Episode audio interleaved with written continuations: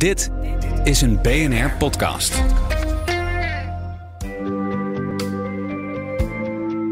Wetenschap in het kort met Carlijn Meinders. We hebben het allemaal wel eens voorbij zien komen in een misdaadserie of film. Aan de hand van de beestjes op een lichaam wordt door een forensisch expert bepaald hoe lang geleden iemand is overleden. Dankzij een nieuw onderzoek waarbij wetenschappers voor het eerst een netwerk van zo'n 20 soorten microben in kaart hebben gebracht, die verantwoordelijk zijn voor het afbreken van dierlijk materiaal, moet dit straks een stuk nauwkeuriger kunnen. Het proces achter de afbraak van plantenmateriaal, iets wat op grote schaal gebeurt in de natuur, begrepen we al een stuk beter. Dit onderzoek, dat jaren heeft geduurd, levert belangrijke kennis op over hoe buiten menselijk materiaal wordt afgebroken. Voor het onderzoek lieten ze 36 lichamen bij drie verschillende forensische instituten afbreken onder verschillende klimaat- en bodemomstandigheden en tijdens verschillende seizoenen.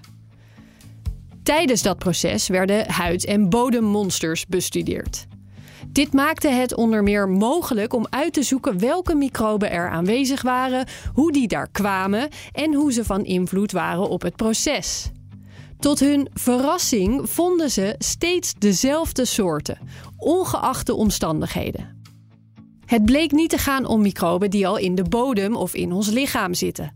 Het lijkt erop dat ze allemaal door insecten worden gebracht omdat ook de timing waarop de verschillende soorten verschenen heel precies te voorspellen bleek, zeggen de onderzoekers hiermee een tool te hebben ontwikkeld waarmee veel accurater kan worden voorspeld hoe lang geleden iemand overleden is. Wil je elke dag een wetenschapsnieuwtje? Abonneer je dan op Wetenschap vandaag. Luister Wetenschap vandaag terug in al je favoriete podcast-apps.